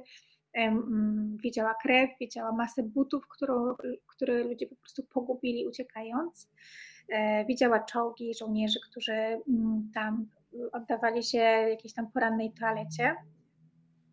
E, I kiedy zrozumiała, że teksty na ten temat trafiają do kosza i nie zostaną opublikowane w gazetach, e, stwierdziła, że po prostu zacznie spisywać relacje tych ludzi, którzy przeżyli, którzy, e, którzy w tych protestach uczestniczyli. I ta książka, o której mówisz, to jest właśnie taka kronika zlepiona z ludzkich głosów. Ona ją po prostu tak przytyka, przytyka różne, różne wspomnienia tych ludzi, różne wypowiedzi ludzi, którzy tam byli. I to ma y, bardzo szczególny charakter, bo bardzo często, aha, i podaje także imiona i nazwiska osób, które na przykład wypowiedziały takie, takie zdanie. Więc bardzo dużo ludzi, bardzo wielu mieszkańców stolicy po prostu się w tej książce odnajdywało. Więc do dnia dzisiejszego, kiedy y, ja uczestniczyłam z Eleną w jakichś spotkaniach z czytelnikami, to zawsze ten rok 68 powraca. Zawsze jest jakiś uczestnik tych wydarzeń, albo wnuczka, albo syn. A Elena jest taką powiernicą pamięci o nich. Tak? Ona jest y, symbolem y, tego, że, że nigdy nie zapomniano o tym, co się wydarzyło w 68 E, i Meksykanie są jej bardzo, bardzo wdzięczni za to. Dla mnie to jest niezwykłe, że taki pojedynczy głos każdego z nas czasami niewiele znaczy, ale jeżeli stajemy się chórem, który ma siłę i moc, to nagle ten głos zaczyna być słyszalny i ona doprowadziła do tego zwielokrotnienia tych pojedynczych głosów, które stały się siłą. E, Mhm. Pytanie od Magdy, Mhm, e, widzę, widzę. bardzo cenne i ważne. Oriana Falaci też była na placu w Meksyku w 1968 roku w czasie masakry. Czy obie panie się znały? Mhm. Właśnie nie wiem teraz odpowiadać, czy powiedzieć, trzeba przeczytać, ale nie, y, tak, y, poznały się. To był właśnie, mm, Oriana Falaci była na placu i być może pani Magda wie, że została ranna na tym placu Mm, i trafiła do, do szpitala. Mm, Elena się o, tej, o tym dowiedziała jeszcze z gazet i pojechała zrobić z nią wywiad w szpitalu. I właśnie ten wywiad, jako, jako pierwsza rzecz, którą zgłosiła do, red- do redakcji, wylądował w koszu. Na śmiech, znaczy no, w redakcyjnym koszu. Tak. Jest, istnieją zdjęcia Oriany i Eleny z tego spotkania. E, Ja o tym spotkaniu też troszeczkę y, piszę w książce. No, I postawimy tak. kropkę, po, po więcej zapraszając do książki, Mhm. oczywiście. E, Drodzy Państwo, ja jeszcze pokażę Państwu e, jeszcze raz Elenę Poniatowską. Tym razem będziemy na wiecu politycznym. Magda, powiedz e, konkretnie, co to jest za wiec, gdzie jesteśmy z Panią Eleną? Mhm. Jesteśmy na Sokalo. Sokalo to jest główny plac w stolicy Meksyku. I na nim wydarzyło się tak naprawdę bardzo dużo różnych mm, wydarzeń, bardzo ważnych wydarzeń dla historii e, tego kraju. E, I Elena była ich em, świadkiem. Czyli w tej książce bardzo często na, to, na Sokalo po prostu powracamy. E, I tutaj także, tutaj mamy wiec poparcia dla kandydata na prezydenta, lewicowego kandydata, Andresa Manuela e, Lopeza Obradora, który wygrał e, wybory, czyli no po, po, perypetiach, o których także piszę w książce, wygrał e, wybory i teraz jest prezydentem. Mm, e, No i tak, więc to Sokalo się pojawi. Jeszcze też na końcu się pojawi książki Sokalo. Jest to bardzo, bardzo ważna, ważne miejsce.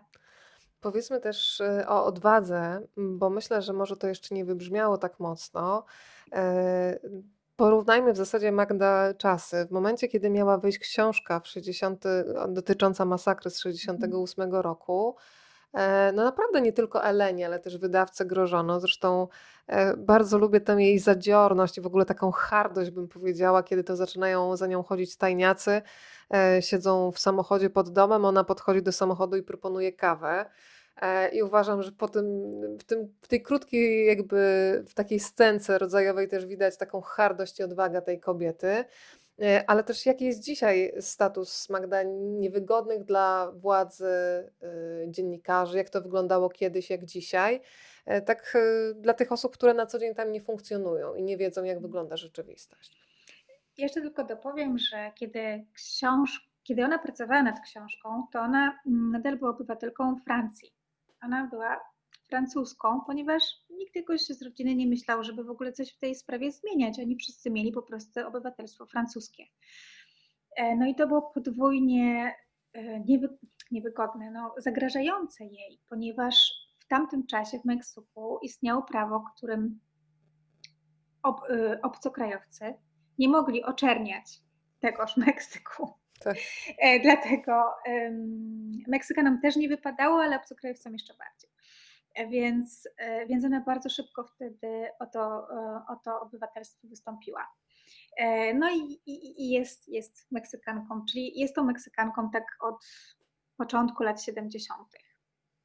E, Natomiast sama o sobie mówi, że jest Meksykanką jak mole, czyli jak taki meksykański sos, czyli bardzo. To też jest e, piękne i tam czuć, no zresztą sam tytuł Meksyk, moja miłość e, nie wziął się bez e, przyczyny. To mm, zbliżając się do finału naszej rozmowy, powiedzmy I, i, jeszcze... Właśnie, Mhm. może tylko jeszcze to, o tym powiem, bo to jest dobry moment, bo to nie jest miłe, kiedy ktoś z zewnątrz przyjeżdża do nas i mówi nam, tu macie problem, tu rasizm, tu korupcja, tutaj w ogóle ścieki, nie ma kanalizacji. Bez sensu, prawda? No ciężko jest nam to zaakceptować, ale Elena y, udało jej się przekonać Meksykanów, że ona tak bardzo kocha Meksyk, że pisanie o rzeczach trudnych wynika z tej miłości, z, tej, z tego, aby ten Meksyk się naprawił, poprawił, tak? Czyli y, to, o czym pisze, nie jest wygodne, to nigdy nie są e, jakieś tam miłe tematy, ale myślę, że dlatego ten tytuł. Meksyk, moja miłość i, i dlatego mogę sobie pozwolić na krytykę, mogę pozwolić sobie na bycie surową, czy też wytykanie błędów. Myślę, Magda, że niechcący stworzyłaś właśnie taką definicję patriotyzmu jako takiego i chyba tak go powinniśmy pojmować, y, że piszemy i dostrzegamy rzeczy niewygodne, ponieważ kochamy kraj i chcemy coś w nim zmienić. Więc y, też teraz mi to przemknęło przez głowę. Y, jeszcze na chwilę pocelebrujmy ten moment, kiedy Elena Poniatowska dowiaduje się, że jest laureatką Cervantesa. No bo to jest moment, kiedy pojawiają się dziennikarze, kiedy ona sama jest zaskoczona. Powiedzmy, kto przed nią odbierał e, to wyróżnienie, bo człowiek czyta i po prostu tak się cieszy razem z nią, bo e, no, ja wiem, że to jest takie cieszenie się, ale tak to jest, że czytamy i na chwilę jesteśmy w środku książki, więc e, jak to wyglądało też rodzinnie, bo to chyba dla wielu osób było zaskoczenie. E, tak, to było w ogóle bardzo duże zaskoczenie. Ja może e, odpowiem o czymś, opowiem o czymś innym, czego nie ma w książce, bo w książce jest e, dużo rzeczy, ale bardzo dużo rzeczy nie weszło do książki. I ja byłam u Eleny w, w domu, kiedy, kiedy czekaliśmy na, mm, na raczej na, na decyzję w sprawie Nobla. I i to nie jest tak, że. Znaczy ja pierwszy raz i wiedziałam, że ostatni być może mam taką sytuację, w której czekam w domu, w którym ktoś absolutnie może tego Nobla dostać. I, i oczywiście Elena się tam nie zająknęła nawet na. No wiadomo, ale czułam y, nerwową atmosferę.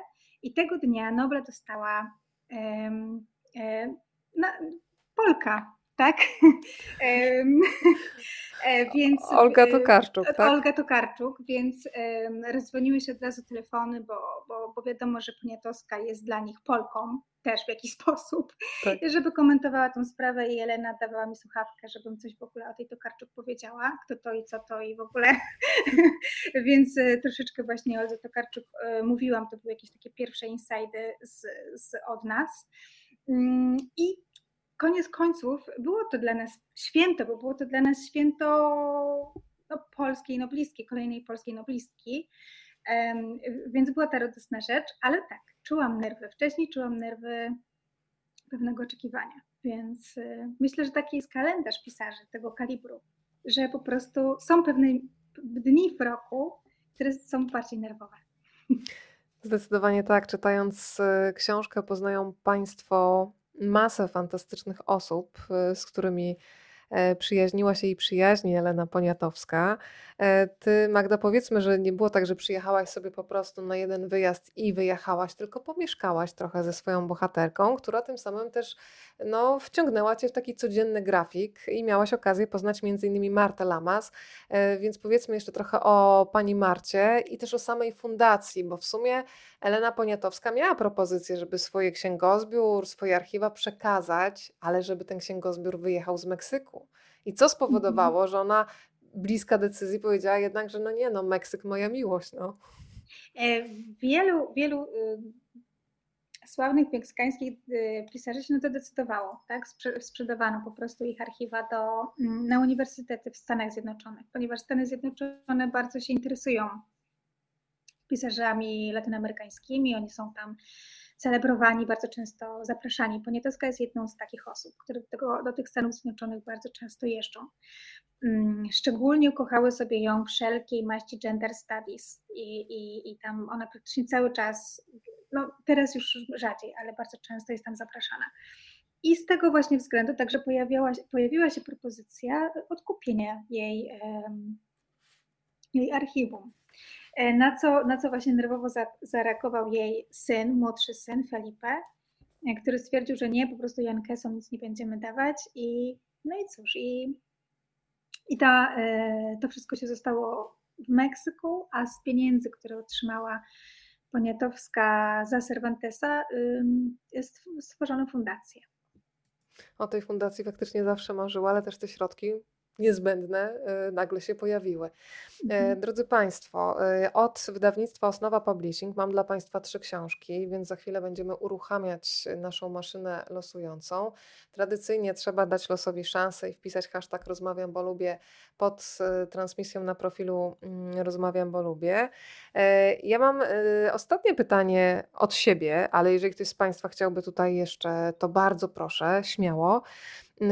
Która książka mm, albo który reportaż był dla Ciebie kimś, y, no czymś takim, co siedzi bardzo mocno? Bo ja przyznaję, że po Twojej książce, po Meksyku, Meksyk Moja Miłość, y, ja sobie zrobiłam całą listę książek do nadrobienia, ale zastanawiam się, bo wiadomo, że czytamy w różnym momencie życia e, i filtrujemy przez siebie, co najbardziej z Tobą zagrało? Wydaje mi się, że Elena, czyli Elena tak naprawdę w każdej, w każdej formie się czuła świetnie, tak? Ona pisze reportaże, pisze powieści, pisze biografie, um, pisze bajki, um, więc myślę, że zależy od osoby jej upodobań. Um, ja, ponieważ od zawsze się tym regionem interesowałam, jeśli chodzi o jego takie tło polityczno-społeczne, e, to naj, naj, rzeczywiście dla mnie najcenniejsze jest, są te reportaże, tak? I, i to ten, ten jej dziennikarski nerw, którego raczej ona jakby nigdy nie odpuszcza. Tak? Ona tą dziennikarką zawsze mówi, że już nie będzie, ale myślę, że do końca, do końca nią pozostanie. Co bym mogła polecić? Na pewno do sępów pójdę, choć jest to trudna powieść, bo jest to powieść pisana w latach 50. Mm, I te powieści są ja, ja, myślę, że one są dość trudne dla współczesnego odbiorcy, aczkolwiek no na pewno e, warto do niej zajrzeć. I cóż, mnie się wydaje, że po prostu musimy Elenę tłumaczyć, po prostu wziąć się za jej tłumaczenie. Tutaj apel do wydawców. E, nie ma głupich pytań, bo ktoś tutaj się kryguje, że głupie pytanie. Wcale nie. Już przekazuje mm, pani Marta. E, może głupie, wcale nie od razu mówię, ale mnie ciekawi, czy pani Elena zna język polski? Nie, nie zna języka polskiego. E, tak naprawdę ostatnią osobą, która mówiła w języku polskim, to był Stanisław, e, bratanek króla, tak? który wyjechał do Włoch, ożenił się z Włoszką i, i to już był, że tak powiem, był, został, był ostatnią osobą w domu, która mówiła w tym języku. Natomiast Elena kultywuje bardzo dużo tradycji różnych. W jej domu jest bardzo, nie wiem, jest na przykład obraz księcia Józefa, e, który skacze z, na koniu do Elstery. Um, w zamraża, e, zamrażalce trzyma żubrówkę, więc, więc tak, można się doszukać pewnych takich polskich smaczków. Agnieszka pisze, cała ta historia niesamowita, zazdroszczę mieszkania z bohaterką swojej książki. Muszę przeczytać książkę. Piękny życiorys, interesująca autorka, intrygująca okładka. Tak, taki zestaw e, dzisiaj rozmawiam, bo lubię. E, przemknęłyśmy trochę nad Martą Lamas, słuchaj, bo się tak, skupiłyśmy na fundacji, ja przynajmniej tylko, dwa słowa. Mhm. Tak, tylko chcę skorygować, bo wtedy nie, nie mogłam Ciebie skorygować. Ja z Eleną nie mieszkałam. E, ja mieszkałam niedaleko, ale codziennie rano stawiałam się, y, no i spędzałyśmy cały dzień, więc okay. spałam gdzie indziej. Okay, ale jadłyśmy ale... razem obiady, herbatę. Ale zgarniałaś jej kwiaty po spotkaniach. Tak, tak, tak. tak. Nie, no okay. było, było miło, chociaż prawdą jest, że, że pierwszy posiłek, pierwszy, pierwszy obiad, który miałam z nią zjeść, to trochę wywołało we mnie atak paniki, e, no ponieważ ja nigdy z księżniczką nie jadłam wcześniej posiłku. Trzymałam się prosto i łokcie przy sobie. To ja jeszcze skorzystam z fotografii, bo aż żal się nie podzielić, mhm. E, bo to jest znowu ten moment, kiedy można trochę zawiesić działanie czasu i wrócić sobie do czasu e, dzieciństwa. E, tutaj lata 40. No i mhm. kto mógł wtedy przypuszczać, że mamy tutaj słynną dziennikarkę, reportażystkę po latach? Czy dla niej samej powrót do takich e, archiwalnych zdjęć też był taką sentymentalną podróżą? I w ogóle jak ona zareagowała na książkę, kiedy już właśnie przeczytała już, dostała do rąk własnych? No z książką jest raczej problem. Oczywiście dostanie go do rąk e, włas, e, tą książkę do rąk własnych, no ale będziemy musieli po prostu zacząć temat tłumaczenia tej książki na hiszpański i, i wtedy No i wtedy będziemy bliżej współpracować. Natomiast to jest bardzo ciekawe zdjęcie, ponieważ to jest zdjęcie z czasu, kiedy Johnny do nich dołączył, czyli tata wrócił z wojny i są w Acapulco na wakacjach.